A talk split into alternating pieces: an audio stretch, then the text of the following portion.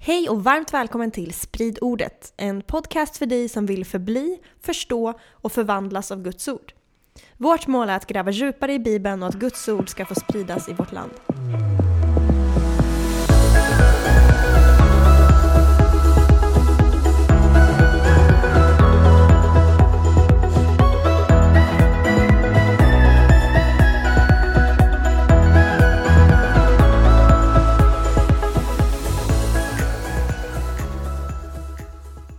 Dagen är kommen. Vi är på det sista avsnittet av Sprid ordets eh, serie Profetior om Jesus.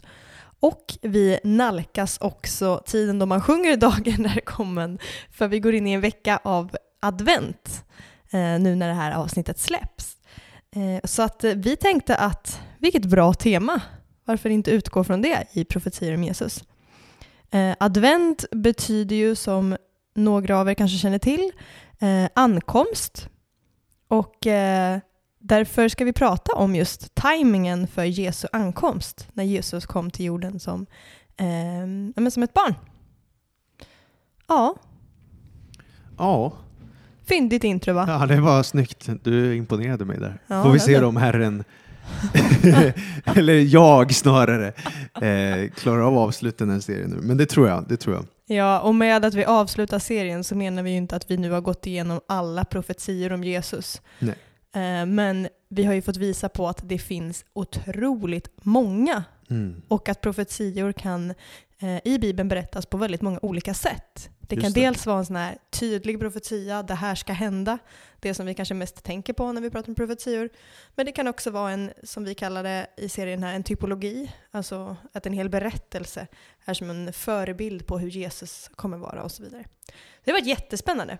Ja, Och nu du, nu är det advent. nu är det advent. Vi ska prata om tajmingen. Eh, profetiorna som pratar om när Jesus skulle komma till jorden. Alltså när Messias skulle komma till jorden. Och nu vet vi i efterhand att det är Jesus.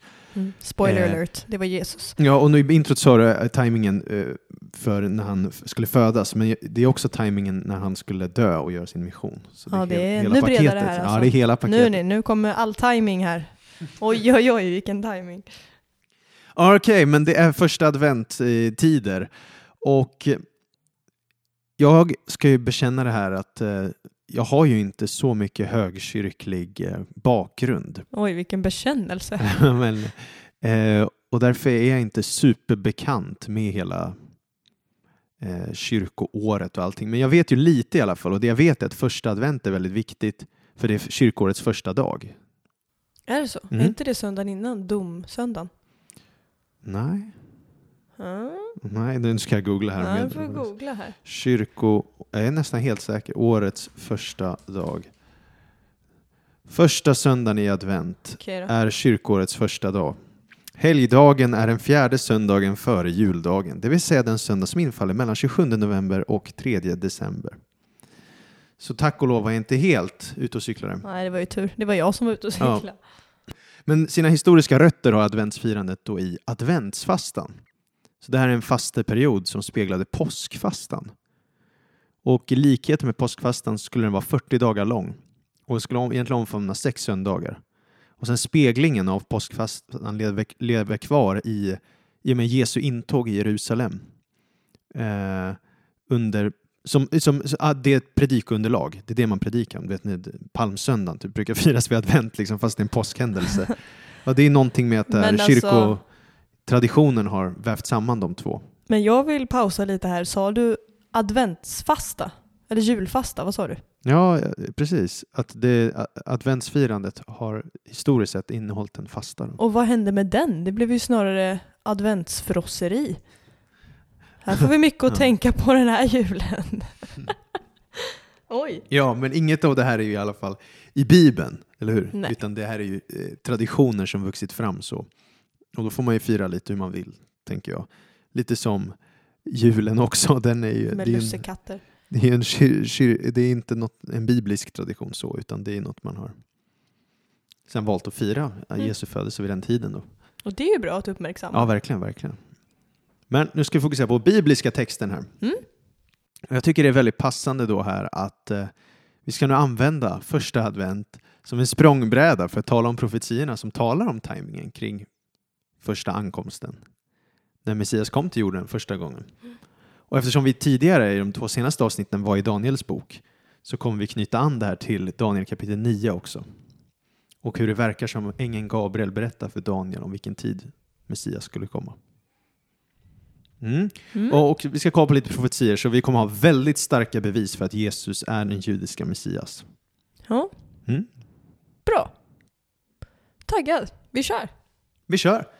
Den första punkten jag vill skicka med oss lyssnare då, det är att Messias ankomst skulle äga rum innan det andra templet blev förstört. Jag ska förklara det strax. Men när man börjar gräva i de här judiska skrifterna, eller hebreiska skrifterna, så kommer vi börja märka att det finns en tidsram inom vilket Messias skulle komma. Att det finns, och det finns bara en person som har uppfyllt de kraven. Och, eh, Vem är det? Ja, det vet vi redan. Men alltså det jag menar är att judar som fortfarande väntar på Messias idag, vilket det är många som gör, Mm. eh, det är ganska svårt för att det finns minst tre ställen i hebreiska bibeln, Tanakh då, det kristna kallar Gamla Testamentet, som säger att Messias ankomst skulle äga rum innan det andra templets förgörelse. Men då får Och det du förstördes förklara. år 70. Ja, då får du förklara lite här. Två tempel, vad, vad är grejen? Vad är det här? Ja, vi behöver lite historisk bakgrund. Ja, tack. Ja. Så om vi tänker oss att eh, det judiska folket, de blev räddade ut ur Egypten, de går igenom öknen där och sen kommer de in i det förlovade landet.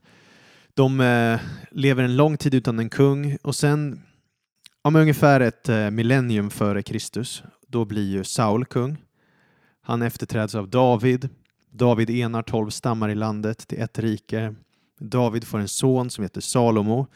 Han tar över tronen får i uppdrag av Gud att bygga ett tempel åt Herren. För tidigare har de haft ett tabernakel som de gick runt med, som en, ett Porta- tält. Portabelt tempel. Exakt, ett, ett tält där Guds härlighet bodde. Och där de hade olika mm, utbroderade saker och så här. Det var snyggt liksom. Men templet var då ett super... super Det var snyggt. Viktigt. Viktig info. men ett, ett tabernakel var väldigt fult på utsidan i och för sig. Inuti var det fint, men på utsidan var det väldigt fult. Men sen när templet kommer, då är det supersnyggt även på utsidan. Och det blir klart efter sju års bygge. Mm. Ungefär 959 före Kristus. Länge sedan. Ja. Och sen då, då har vi det här mäktiga templet. Salomo dör och riket delas i två. Det blir ett nordrike och ett sydrike. Nordriket Israel, sydriket Juda. Just det. Och de här båda börjar ägna sig åt väldigt, väldigt dåliga saker. Avgudadyrkan och det blir Don't moralisk try this at home. dekadens. Don't try this at home. Nej, verkligen. Och det slutar ju med att Nordriket går i fångenskap, eller så intagna snarare av Assyrien, ungefär 722 f.Kr. Under den tiden står Salomos tempel kvar i Sydriket. Och Sydriket överlever Nordriket Mm. med några hundra år. Var, stod det i Jerusalem? Ja, precis. Ja. Och då står det där i Jerusalem ända fram till den dag det judiska folket blir taget i fångenskap av Nebukadnessar, kungen i Babel. Och det är då Daniel utspelar sig. Exakt. Och det här templet förstörs då i samband med det. Tråkigt. Jättetråkigt. Typ eh, 586 före Kristus. Mm. Något sånt. Vilken sorg det måste ha varit för det judiska folket. Det var liksom deras centrum av tillbedjan. Vi är ju bortskämda och kan gå och tillbe vad vi vill. Men ja, Ja, det, och det försoning för jätte- sina jättestor synder sorg. och allt vad det var. Ja. Otroligt stor händelse. En otroligt stor händelse. Och templet förgörs på det hebreiska datumet nionde av. Nionde av. När är det? Alltså i våra Eh, ja du, nu, höst, vinter, vår? jag tror det är på Sommar. sommaren. Ja. Jag är lite osäker faktiskt nu. Ja. Ja, jag kan ju googla den nionde av. Ja, exakt, det är på sommaren. Mm. Precis. Och det hemska är ju att eh, det här templet kommer förgöras, eller inte förgöras, eller det andra templet som sen kommer byggas, ska jag berätta om, det kommer också förgöras på nionde av. Så de är ju 70 år i fångenskap i Babel.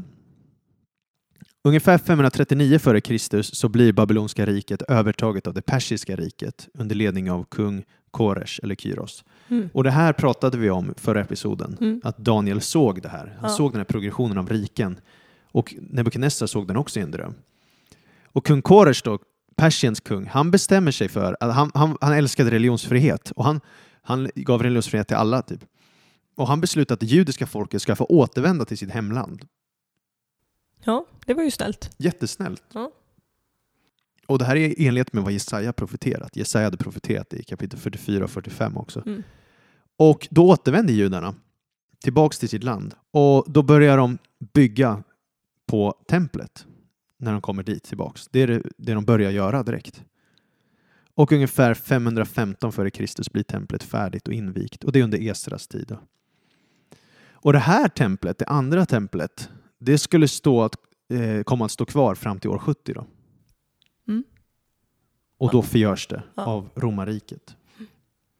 Och det är på nionde av.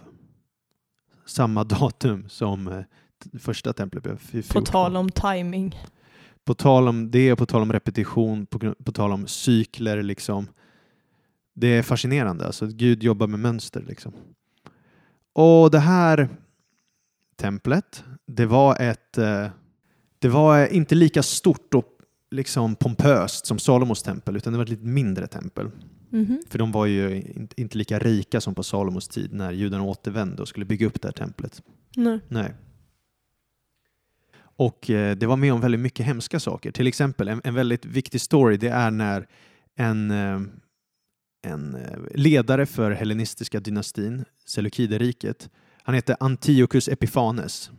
Eller Antiochus den fjärde. Han kallar sig själv Gud. Epifanes betyder Guds uppenbarelse. Han kallar sig själv. Gud.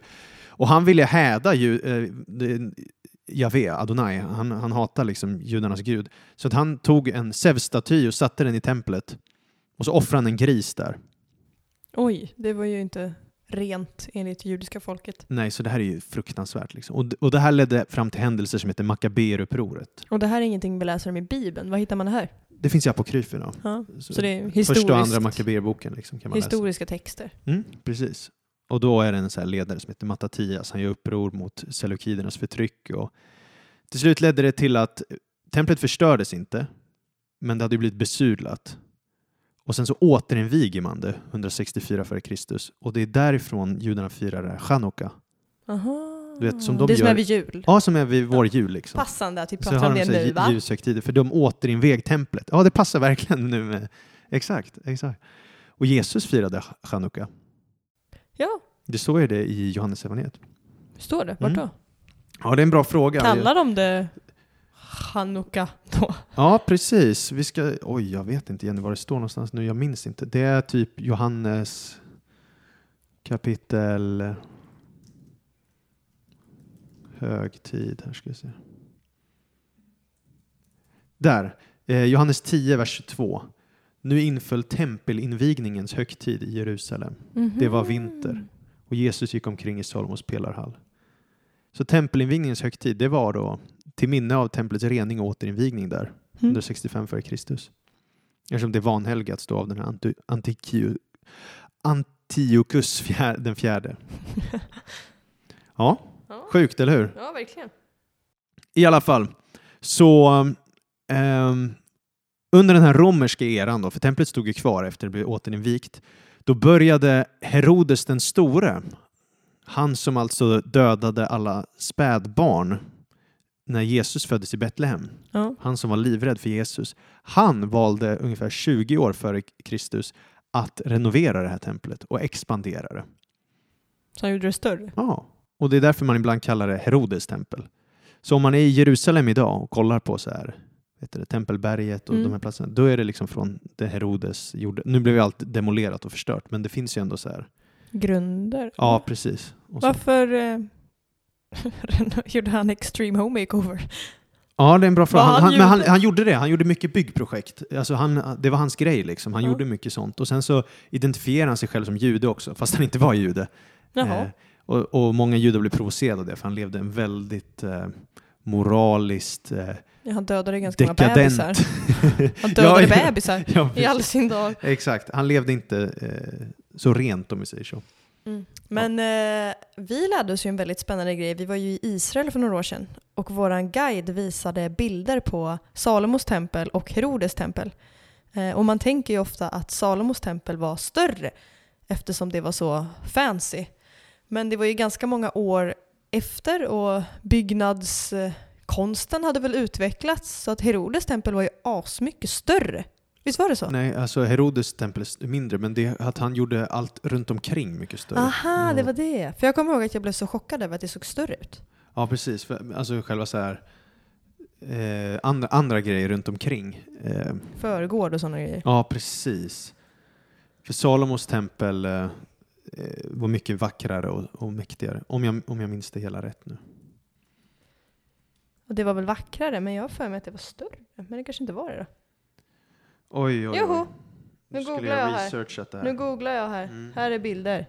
Mitt förtroende bara dyker här nu för Kolla de som nu. lyssnar. Kolla här nu. Ja, där ser bild. tempel. Ja, Och där är Herodes tempel. Okej, Nu ser ni ingen bild på det. Men han har ju också gjort förgården och allting runt omkring. exakt. större. Okej.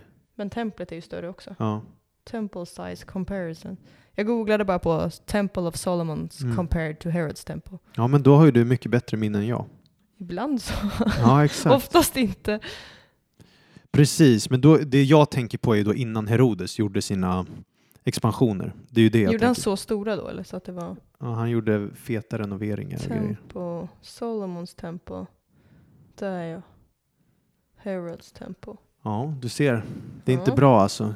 Nu måste göra mer research. Mm. Ja. Skäms på dig. Nej, men jag har tänkt att vi ska göra någon gång en serie om eh, temat templet och tabernaklet och Ooh, spännande. temat där i Bibeln, liksom, hur det är kopplat till Eden. Ja, men i alla fall. Stort tempel. Stort tempel, stort tempel här. Det vittnade om min historiska okunskap här. Det, det är bra i all ödmjukhet. Men all min kunskap Och det, det, det lär ju att man inte ska ta allt jag säger eh, som sanning. jag det är bättre att man gör sin egen research. Och det är det vi har som go-to-ord där, Apostlagärningarna 17.11.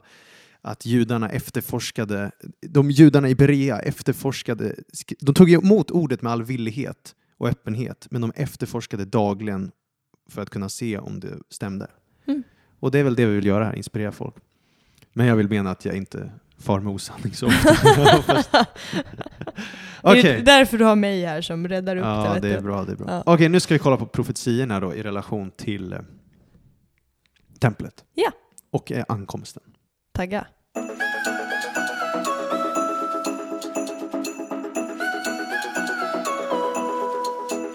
Okej, då ska vi kolla på profetier som lär oss att Jesus skulle komma innan det andra templet förstördes. Så i boken Haggai, Den Det- läser du inte varje dag den kanske? läser man kanske inte varje dag, men det är en liten profetbok där. Där har vi en viktig profetia som, som indikerar att Messias skulle dyka upp i det andra templet. Vilket innebär att Messias då måste kommit innan år 70. Eftersom år Mhm. 70 förstördes templet. Så Haggai profeterade mellan åren 520 och 516 före Kristus. Och under den tiden var judarna tillbaka i landet ju, Mhm. men templet var ännu inte klart, det andra templet. De är på att bygga på det. Ja, precis. Och Herren talar till folket och säger till dem så här, arbeta för jag är med er, säger Herren Sebot. Det är Haggai 2.5. Så Haggai är samtida som Esra. Ja, eller alltså de här händelserna med att bygga upp templet som Haggai är med om, det beskrivs i Esras bok, men Esra och Nehemja, eh, de lever inte exakt samtidigt som Haggai, utan lite efter. Så att det, de bara berättar om det. Det här hände nyss. Ja, ja, ja exakt. exakt, exakt. Eh, ja, men eh, nu läser vi ur Haggai då, och vi läser kapitel 2, vers 8 och 10. Och vi kommer läsa lite, lite min översättning. Jag har bytt ut ett ord mot Va? ett annat. Hur vågar du? Ja, jag ska Du förtydliga får sen. förklara. Ja, men vi läser först. Jag ska skaka om alla hedna folk och den som folken längtar efter ska komma hit. Och jag ska fylla detta hus med härlighet, säger Herren Sebot. Den kommande härligheten hos detta hus ska bli större än den förra, säger Herren Sebot. Och på denna plats ska jag ge frid, säger Herren Sebot. Precis, och då, det, jag har lagt in här är den som folken längtar efter ska komma hit. Många svenska översättningar skriver alla folkens skatter ska komma hit. Men på hebreiska så står det den folken längtar efter. Så varför översätter man det alla folkens skatter? För att man skulle kunna vrida åt det hållet och tolka det. Så det är inte liksom en hemskt dålig, det är inte en dålig översättning det heller. Men All, alla folkens katter. Va? Nej, skatter. Det var jättedåligt. Lussekatter. Förlåt. Folkbibeln 15 i alla fall i sin fotnot poängterar det här också och skriver att det kan översätta den som folket längtar efter. Och jag tror verkligen det är det det handlar om här och det tror väldigt många eh, engelska bibelöversättare också. Varför det? Jo, för det här är nog en titel på Messias, den folken längtar efter. Vad fint. För det profetian säger i kontexten är nummer ett, att Messias ska komma till det andra templet. Två, att Gud skulle fylla detta hus, alltså det andra templet, med härlighet. Och tre, härligheten hos detta tempel ska vara större än den förra. Mm. Så då säger Haggai här att Gud ska fylla det andra templet med härlighet större än Salomos tempel. Och det här ska få vår uppmärksamhet då. Eftersom Salomos tempel då var mycket mer imponerande än det andra templet. Nu har du ju korrigerat mig och sagt att Herodes tempel sen är mycket maffigare. Fast Men jag- frågan är om det var ja. lika fint. Alltså det var ju större. Jag vet inte hur det såg ut på insidan. Inte jag heller, men jag vill bara visa här då, ur Esra 3 som beskriver här händelserna när de byggde det andra templet. Ja. Hur de kommer börja störtböla. För vissa är så gamla att de har varit med och sett Salomos tempel. Ju. För fångenskapen var ju bara 70 år. Liksom. Mm. Eh, Så om vi läser Esra 3 där, vers 11-13. Hela folket jublade högt och prisade Herren för att grunden till Herrens hus var lagd. Men många av prästerna och leviterna och huvudmännen för familjerna, de gamla som hade sett det förra huset, grät högt när de såg grunden läggas till detta hus. Många andra jublade och var så glada att de ropade med hög röst. Man kunde inte skilja mellan det högljudda, glada jubelropet och folkets högljudda gråt, ty folket ropade så högt att ljudet hördes vida omkring. Vilken soppa! Ja, där finns det ju mycket att predika om, men det ska vi inte göra. Men alltså, det, Det var bättre för. ja, men det är ändå spännande där att de verkligen sörjer över att det inte ens är i närheten av Salomos tempel liksom, i ståtlighet och prakt. Men trots det här så lovar Gud att han ska fylla templet med en härlighet som överträffar Salomos tempel. Och om det nu är så att eh, Herodes tempel ändå är vackrare, för de piffar ju upp det här andra templet sen. Med, Fixa till det. ja, exakt. Det får en, Senaste inredningen. en eh, makeover. Men trots det så har den ändå inte större härlighet än Salomos tempel. Mm. För att Salomos tempel, när det invägs, fylldes det av Guds härlighet. Ja. Guds shakaina, eller sh- shekinah. Liksom. Och det var ju också designat av Gud. Mm, Alltså instruktionerna var ju downloaded from heaven. Mm. Det var ju inte Herodes, det var ju bara Herodes smak. Ja, precis. precis. Och dessutom så, den här härligheten som fyllde Salomos tempel, den lämnade ju templet precis innan förgörelsen. Det kan man läsa om i Hesekiel 10 och 11. Ja. där härligheten som bor i templet lämnar. Men det finns ju ingenting i Bibeln som säger att när andra templet byggdes att Guds härlighet skulle bo där eller vara närvarande där Nej. på samma sätt. Så det blir ingen sån där ceremoni där alla typ faller ihop för att det är så stark gudsnärvaro. Nej, precis. Det blir inget tjockt moln och så med basunblåsande som i Nej. Salomos tempel. Sad. Och då är den stora frågan, hur kan då det andra templets härlighet överträffa det förra? Mitt förslag är då att den som folken längtar efter, alltså Messias, världens frälsare, dyker upp i templet. Ba-ba. Och då är det ju så att när Jesus kommer på scenen, när Jesus från Nasaret väljer att verka på jorden, då kommer han ju till templet flera gånger. Han Mm. kommer ju dels när han är 12-åring, men också sen när han ska göra sin tjänst. Och han var ju om någon full av härlighet. Du vet Johannes evangeliet 1.14 säger ju så här att Jesus, eller vi såg hans härlighet, den härlighet den enfödde har av Fadern och han var full av nåd och sanning. Eller Hebreerbrevet säger ju att sonen utstrålar Guds härlighet uppenbarar hans väsen. Mm. Så vi talar ju här om en väldigt mäktig härlighet. Och det är klart att Guds sons härlighet, han som utstrålar Gud faderns härlighet, gjorde så att det andra templet fick uppleva en större härlighet än det förra templet. Mm. Men om Jesus inte var den utlovade Messias och templet förgördes ju år 70, då är Gud en lögnare. För då överträffade inte det andra templets härlighet eh, det Mm. förra templet. Även om det var större. Mm. För den hade ju inte härligheten Nej, den fall. hade ju inte gloryn liksom. Ja, så det är en väldigt stark profetia då, Mm. som ger starka tecken på att Jesus var Messias, världens frälsare. Mäktigt! Yeah! Vi tar en till då. Yes. Malaki 3, vers 1 ska vi kolla på här. Och den kommer också lära oss samma koncept. Vi läser. Se, jag ska sända min budbärare och han ska bereda vägen för mig. Och Herren som ni söker ska plötsligt komma till sitt tempel, förbundets sändebud som ni längtar efter. Se, han kommer, säger Herren Sebot. Wow, här står det att först ska det komma en budbärare som bereder vägen för honom. Det är Johannes döparen. Men sen Herren som ni söker ska plötsligt komma till sitt, sitt tempel, ägandeform, sitt tempel. Mm. Alltså Gud själv ska komma till sitt tempel. Det gjorde andra han. Templet. Och det gjorde han ju. Men återigen, om Jesus då inte var judarnas Messias, då förgördes templet år 70. Och då, och då var han. Malaki en lögnare också. Ja.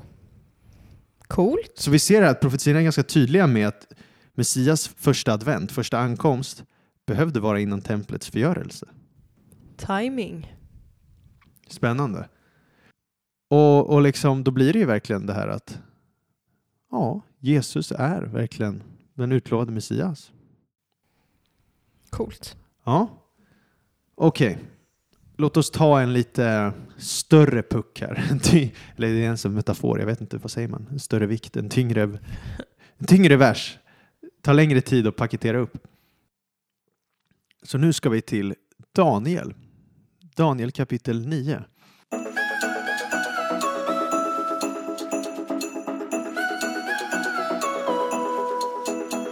Så även Daniel kommer lära oss här då att Messias kommer, alltså vi- vilken tidpunkt Messias skulle komma vid och vad som skulle ske därefter. Mm. Det här kommer vi hitta i Daniel 9, eh, speciellt verserna 24 till 27. Och då kommer vi få ja, tajmingen för hans ankomst, helt enkelt. Så, Daniel kapitel 9 börjar med att den här gudfruktiga mannen Daniel, då, han är intensiv bön och fasta för sitt folk och Jerusalem. Vilken kille. Och det är för att han är i babylonska fångenskapen. Han, han sitter hemma och läser Jeremia bokrulle. Profeten Jeremia sitter Daniel och läser. Mm. När han läser det ser han att oj, fångenskapen ska vara 70 år. Ah, Det har snart gått 70 år. Och då börjar han ropa till Gud och be att det Gud talat ska gå i uppfyllelse. Mm. Och det är en bra grej, man ska be för det Gud sagt ska ske. Liksom. Come on. Halleluja. Det är, det, är som, det är därför vi ber Fader vår, låt din vilja ske på jorden så som det sker i himlen. Vi ber det Gud redan planerat, att det ska gå i fullbordan. Preach. Och mitt i den här intensiva bönen då, så får Daniel änglabesök. Ängeln Gabriel dyker upp. Och han vill berätta om Messias. Han kommer Ja. berätta en väldigt fascinerande profetia. 70 veckor är bestämda över det judiska folket och Jerusalem. Så om vi läser från vers 20 här. Medan jag ännu talade och bad och bekände min egen och mitt folk Israels synd och inför Herren min Gud bar fram min förbön för min Guds heliga berg. Medan jag alltså ännu talade i min bön kom Gabriel till mig i flygande hast, den man som jag förut hade sett i min syn. Han rörde vid mig och det var vid tiden för kvällsoffret. Han undervisade mig och sa till mig Daniel, jag är utsänd för att ge dig insikt och förstånd. Redan när du började be gick ordet ut och jag har kommit för att ge dig besked. För du är högt älskad, så ge akt på ordet och förstå synen. Tänk dig att få det besöket. Och nu ska vi läsa då att han kommer berätta om de här 70 veckorna. Mm. Så det är från vers 24. 70 veckor är bestämda över ditt folk och över din heliga stad för att göra slut på överträdelse, försegla synder, försona skuld, föra fram en evig rättfärdighet, fullborda syn och profetia och smörja den allra heligaste. Vet därför och förstå, från den tid då ordet gick ut att Jerusalem skulle återställas och byggas upp till dess den smorde fursten kommer, ska det gå sju veckor och 62 veckor. Gator och vallgravar ska på nytt byggas upp, trots tider av svårigheter. Men efter de 62 veckorna ska den smorde förgöras, helt utblottad, och staden och helgedomen ska förstöras av folket till den första som kommer. Men slutet kommer som en störtflod. Intill änden ska det råda krig, förödelse är fast besluten. Han ska stadfästa förbundet med de många under en vecka och mitt i veckan ska man avskaffa slaktoffer och matoffer och på styggelsers vinge ska förödaren komma till dess att förstöring och orygglig, oryggligt beslutad straffdom utgjuts över förödaren. Huh. Knöligt. Ja, det var många veckor och... Ja, Daniel är svår alltså. Men vi ska göra oss ett försök på det här. Och det, det det börjar med att 70 veckor är bestämda över ditt folk och över din heliga stad. Med andra ord, judiska folket och Jerusalem. Ja. Och de här 70 veckorna kommer då göra slut på överträdelse, försegla synder, försona skuld, föra fram evig rättfärdighet, fullborda syn och profetia och smörja den allra heligaste. Vad betyder försegla synder?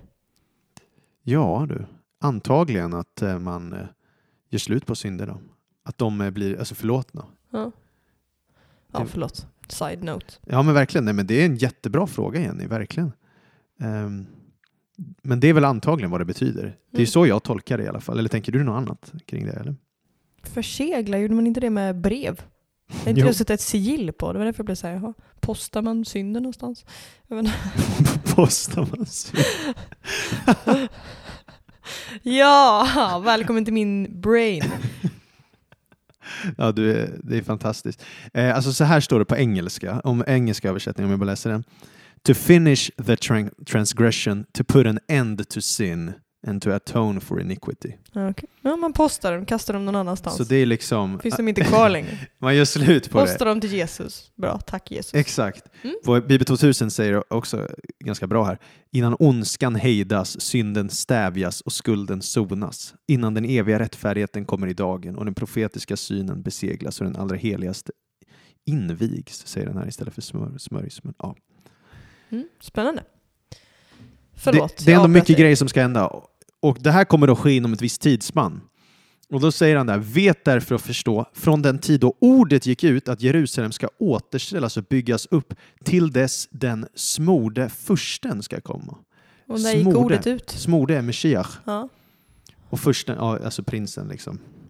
Meshiach Nagid, Jesus Kristus talar om här. Oho. Och då är den stora frågan, när gick ordet ut att Jerusalem ska återställas återställas? Ja. och byggas upp. Precis. Det ska vi gå igenom alldeles strax. Eh, Men först vill jag bara säga lite så här att för att förstå sig på den här passagen så är det ganska viktigt också med hela det här vi har läst, är det viktigt att förstå det här ordet med veckor. 70 veckor, vad i Ja. all sin dag är det liksom? Och Bibeln använder sig ofta av sjuor. Det är väldigt vanligt, en struktur sådär med veckor. Och ofta är en vecka sju dagar. Men Ja, eh, många oftast. menar också att det skulle kunna handla om årsveckor, det vill säga sju år här. Okej. För det finns ju sådana mönster i Bibeln också. Så här. Det verkar finnas i Första Mosebok 29 också, det här med vad heter det? Rakel och Lea och, och en årsvecka där, att fullborda det med sin hustru liksom. Innan han fick ta sig en ny Mm. fruga. Ja. Nej men äh, poängen är i alla fall att ähm, det kan handla om år här. Att det är istället. symbolisk grej att det står vecka. Precis, så istället för 70 veckor så är det då 490 år. Oj. Fattar du? För sju gånger sju. Mhm. Ja, ja. Exakt. Men in, innan vi ska gå in på det här lite närmare så vill jag bara vara tydlig med här att det vi ska prata om nu, det finns en del olika tolkningar här. Mhm. Här går bibelkommentarerna isär. Oh no. Ja, men det gör de faktiskt. Och, och det är diskussioner kring vilken tolkning är rätt här. Mm. För det finns många olika teorier. Och därför vill jag återigen bara uppmuntra folk, Apostlagärningarna 17.11, liksom efterforska skrifterna dagligen och se om det kan förhålla sig så verkligen. Eh, och, och den källa jag kommer använda mig av nu framöver, det är bland annat eh, Sir Robert Anderson och han, hans upptäckt han gjorde ett, ett klassiskt verk som heter The Coming Prince. Men, och jag kommer prata om att det här är en möjlig tolkning av det hela. Mm. Och då utifrån den ti- eh, tolkningen så kommer vi landa i liksom att eh, Jesus kommer komma inom de här 483 åren och uppfylla det här. Och vi kommer se att han gör det då till punkt och pricka. Men jag ska säga också att det finns andra tolkningar. Det finns en tolkning om att det här Messias, eh, den smorde fursten, inte Mm. handlar om Jesus utan det skulle handla om en överste präst som heter Onias och att eh, han som blev mördad av Antiochus Epiphanes år 171 före Kristus. Mm. Och så där, det finns olika tecken, eh, teorier. Mm. Mm.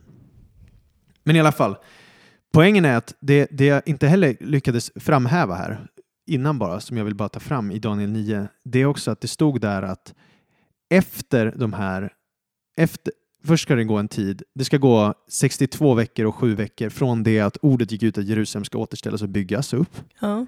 Och sen så står det att efter de 62 veckorna ska den smorde förgöras, helt utblottad. Alltså han ska dö. Ja. Så det är en profetia om att Messias ska dö här. Det är en av verserna som profeterar om att den smorde ska dö. Och då om vi utgår nu från Sir Robert Andersons tolkning. Nej, Det är väl inte bara han som nej, tror nej, på det det är här? jättemånga som har Det den låter också. lite skeptiskt om det bara nej, är nej, nej, en det, det, som det, är har en väldigt, fått va- väldigt, det är en väldigt vanlig tolkning det här. Ja. Eh, och många som är också snarlika som hans, som inte Ja. skiljer sig avsevärt, de är väldigt lika. Ja. Den där andra jag nämnde kring att det skulle vara en överstepräst, det är, det är, det är den andra stora Mm. Teorin som är skillnad. Han i alla fall, han menar då att om vi skulle använda oss av 360 dagars år, vi tänker oss att de här 70 veckorna är årsveckor, Mm. Mm, vilket är rimligt, det är de flesta överens om. Så.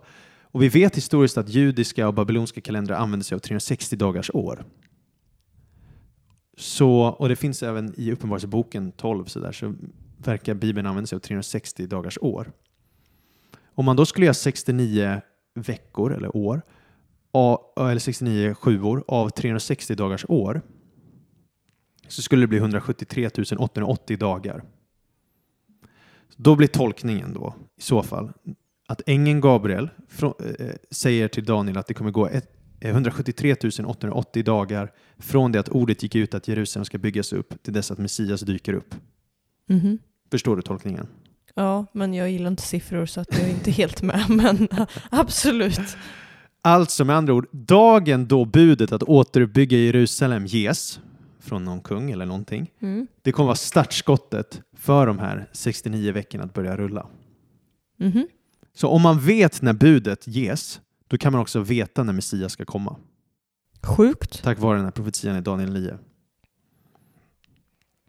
Och då är frågan, när gavs det här budet att återställa och bygga upp Jerusalem? Väldigt viktig fråga. Ja, och då fanns det en persisk kung som hette Artaxerxes eller Artasastes. Och han var ju, Persien var ju den här stormakten på den tiden. Ja. Och den eh, 14 mars 445 f.Kr. bestämmer han sig för att gå ut med budet att Jerusalem ska byggas upp igen. Så det här är, då säger man, det här har vi ett historiskt datum när budet gick ut att staden ska byggas upp igen. För, eh, men vänta, det här var inte samma som eh, hej, ni får alla åka tillbaka till ert hemland. Nej, det här är en, eh, några år senare, för det var kung Kores som sa hej, ni får komma tillbaks till Jer- eh, Jerusalem om ni vill och bygga upp templet. Ja. Men i den här profetian så var det ju att när budet går ut att ni får bygga upp gator och vallgravar, alltså bygga upp staden mer. Mm. Och det var nästa kung. Det var nästa, Eller- ja det var en annan kung senare som heter en annan persisk kung. Ja. Och han ger då budet, Artaxerxes, han ger budet 445 f.Kr. att Varsågod. nu får ni bygga upp te- eh, vet det? Jerusalem, staden. Tack Mm. så mycket. Ja, Så de var fortfarande under persiskt styre. precis. Ja. Precis. Och Jesus i evangelierna verkar lägga en stor betoning på dagen, alltså hans, st- hans stund ännu inte kommit. Att Jesus väntade helt enkelt på en specifik stund att träda fram. Mm. Och han väljer ju att då traditionellt på det här som kallas palmsöndagen, första advent, nej inte första advent, men på första advent firar man palmsöndag. Då väljer Jesus att rida in på en åsna ju, i Jerusalem och Mhm. presenterar sig som judarnas kung samtidigt som han uppfyller Sakarias profetia. Vilken är Fe- det? 520 f.Kr. Den här fröjdar i stolen du Sions dotter, höj jubelrop du Jerusalems dotter, se din konung kommer till dig, rättfärdig och segerrik, han kommer ödmjuk ridande på en åsna, på en åsninnas föl. Så kommer Jesus inridandes på en åsna. Dotter Sion, fröjda dig. Precis. Och då börjar fariséerna skrika åt folket så här, tyst, tyst, tyst, ni hädar, när de kallar Jesus Messias där i Lukas 19. Och då säger Jesus, om de tiger kommer stenarna att ropa. Boom. Varför det? Men det var hans dag. Och då menar då många här att det, var exakt den dag Jesus skulle presentera sig som judarnas kung, den smorde fursten, Meshiach Nagid, förutsagt i Daniel 9. För att exakt 173 880 dagar från att budet gått ut kommer du till april år 32. Fy vad sjukt. Och det är, det är judarnas påsk, det är dat- datumet. Liksom. Det är precis innan, det är Nissan 10 faktiskt, i hebreiska kalendern, som är det datumet Jesus red in på en åsna. Så det skulle mycket, mycket väl kunna vara en exakt profetia om exakt datumet Jesus skulle komma och rida in på en åsna. Fy vad sjukt. Och en del säger, ja, så kan det vara, men vi kan inte vara säkra på att Jesus gjorde år 32 och sådär.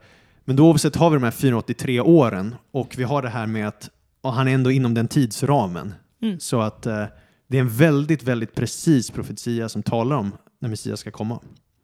Och de som talar om att det skulle vara den överste prästen hundratals år Mm. innan Jesus. Det kan vara det också. Alltså Bibeln har ju flera lager också. Mm. Nu kan jag inte i huvudet exakt hur de kalkylerar ut det datumet då. Men Bibeln har ju ofta dubbla, trippla, kvadrupla uppfyllelser. det har vi ju lärt oss nu i profetian Ja, Jesus verkligen. också. Så att jag vill inte förkasta någon av de här teorierna. Men jag tycker det är bara så stark profetia då. Att ifall det här tolkningen är korrekt, vilket det mycket, mycket väl kan vara, då är det på exakt dagen som ängeln Gabriel berättar för Daniel när Messias ska komma och presentera sig. Och det står sedan efter de 62 veckorna, alltså efter de här Mm. 483 åren, kommer den smorde förgöras. Och Jesus dog ju efter det. Mm. Och sen står det att efter det ska staden och helgendomen förstöras av folket, den första som kommer. Och då vet vi att år 70 förstördes eh, templet. Mm. Och sen några år senare förstördes Jerusalem. Ja. Så den här profetian har ju gått i uppfyllelse att Messias ska dö, staden Jerusalem ska förgöras och templet ska förgöras. Så allt det har ju gått i uppfyllelse. Det här är ju helt sjukt. Så det är en enorm precision här. Det sjukaste är också att man blir så hänförd av att det är så precis. Men man bara, ja men det var ju faktiskt Gud som uppfann matte. Klart han kan räkna eller? ja, eller hur? Eller hur? Ja. Men det är ändå mindblowing. Wow. Så att det här är en profetia om både templets förgörelse, Jerusalems förgörelse och Messias förgörelse. Vilket alltihop inträffade. Mm. Och då med den här enorma precisionen. Det här är ju så sjukt också. Man tänker att man bara läser Daniel 9, bara la la la la la och så bara oj det här var konstigt, hej då. Och sen så gömmer sig allt det här där i. Ja. Jag tycker ja, det, är Det är jättehäftigt. häftigt alltså. Och det som är lite läskigt också, om vi ska tala om det läskiga liksom, och göra det lite mer personligt, Oj då. det är att folket förväntades vara redo vid Jesu ankomst. Det är tydligt i evangelierna att Jesus håller folket ansvariga för att inte vara redo vid hans ankomst. Mm. Han säger många gånger, ni kan inte tyda tidens tecken, fast ni klarar av att tyda vädret. Och när han rider in, eh, i Lukas 19, när han har presenterat sig som judarnas kung för första gången, han har gått public med hans ministry där på Palmsön, alltså han rider in på åsnan och de ropar Hosianna och allt det där. Mm. Låt oss läsa vad han säger då. I Lukas 19, 41-44. När Jesus kom närmare och såg staden brast han i gråt över den och sa Tänk om du idag hade förstått, också du, vad som ger dig verklig frid. Men nu är det dolt för dina ögon. Till det ska komma dagar över dig när dina fiender kastar upp en belägringsvall runt dig och omringar och ansätter dig från alla håll. Det ska slå dig och dina barn i dig till marken och ska inte lämna kvar i dig sten på sten därför att du inte förstod den tid då Herren besökte dig. Därför att du inte förstod den tid då Herren besökte dig. De förväntades förstå. Innebär det att vi ska förstå när Jesus kommer tillbaka för andra gången? Mm, precis, vi förväntas vara redo. De förväntades vara redo och de hölls ansvariga för att de inte var redo. Och vi förväntas, alltså Nya Testamentet är fyllt med hela tiden uppmaningar att vaka och vara beredd Mm. på Jesu Sov återkomst. Och, och om han tog det så hårt på de som inte var redo vid hans första ankomst, det är lika hårt den här gången, om inte hårdare. Liksom. Mm. Han förväntar sig verkligen att vi är vakna. Hur håller vi oss vakna då? Hur är vi redo för hans andra ankomst? Om vi förblir i ordet och framförallt vi längtar efter hans återkomst. Vi är inte så upptagna med världen att vi glömmer bort den himmelska verkligheten, att himlen är vårt hem, Mm. att det är där Jesus är och att där Jesus är, där vill vi också vara. Mm. Och leva för det. Och det är så lätt att bli uppslukad av världens bekymmer. Mm. Och det är det Jesus varnar för, att det är det som kväver ordets frukt i våra liv också. Men det är häftigt där Lukas 19, för då talar han om att ja, ni missade det här. Det kommer komma dagar nu när staden förgörs också. Vilket Daniel 9 profeterade. Mm. Och vilket sen hände. Ja. Så det här är otroligt. Så Haggai, Malaki och Daniel lär oss alla att Messias skulle komma innan templets förgörelse, innan andra templet försvann. Så de judar som väntar på Messias idag, I'm sorry, han har redan kommit. Mm. annars så är Gud en lögnare.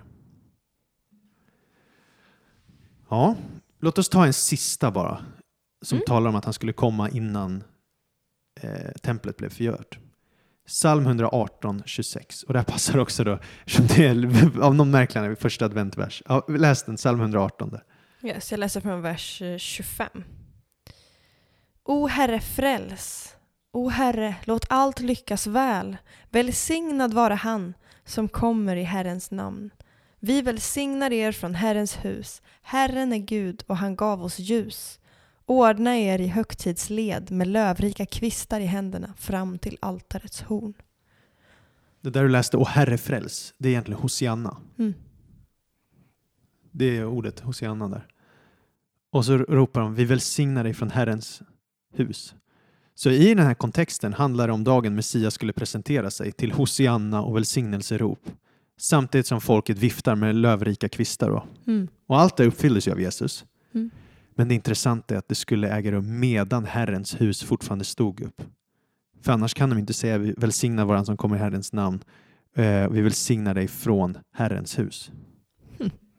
Det har man aldrig tänkt på. Eller ja, du har väl det eftersom du säger det här, men inte jag. Coolt. Så vi ser att Messias måste kommit innan år 70. För idag finns inget tempel. Nej. Det finns inga mer offer där man kan göra. Nej. Man kan inte leva efter det längre. Jesus har uppfyllt alla de profetiorna. Mm. Precis som Haggai, Malaki, Daniel och Saltaren har sagt. Stort. Stort. Så det här är första advents budskap.